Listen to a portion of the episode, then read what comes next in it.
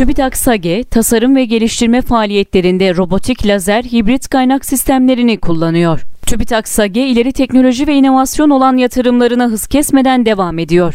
Türkiye'de ilk kez TÜBİTAK SAGE tarafından kullanılan robotik lazer hibrit kaynak sistemi, lazer ve ark kaynağının birlikte kullanıldığı, 10 kW yüksek enerji seviyesine sahip ileri üretim teknolojisi ile kritik proje çalışmalarında kullanılıyor.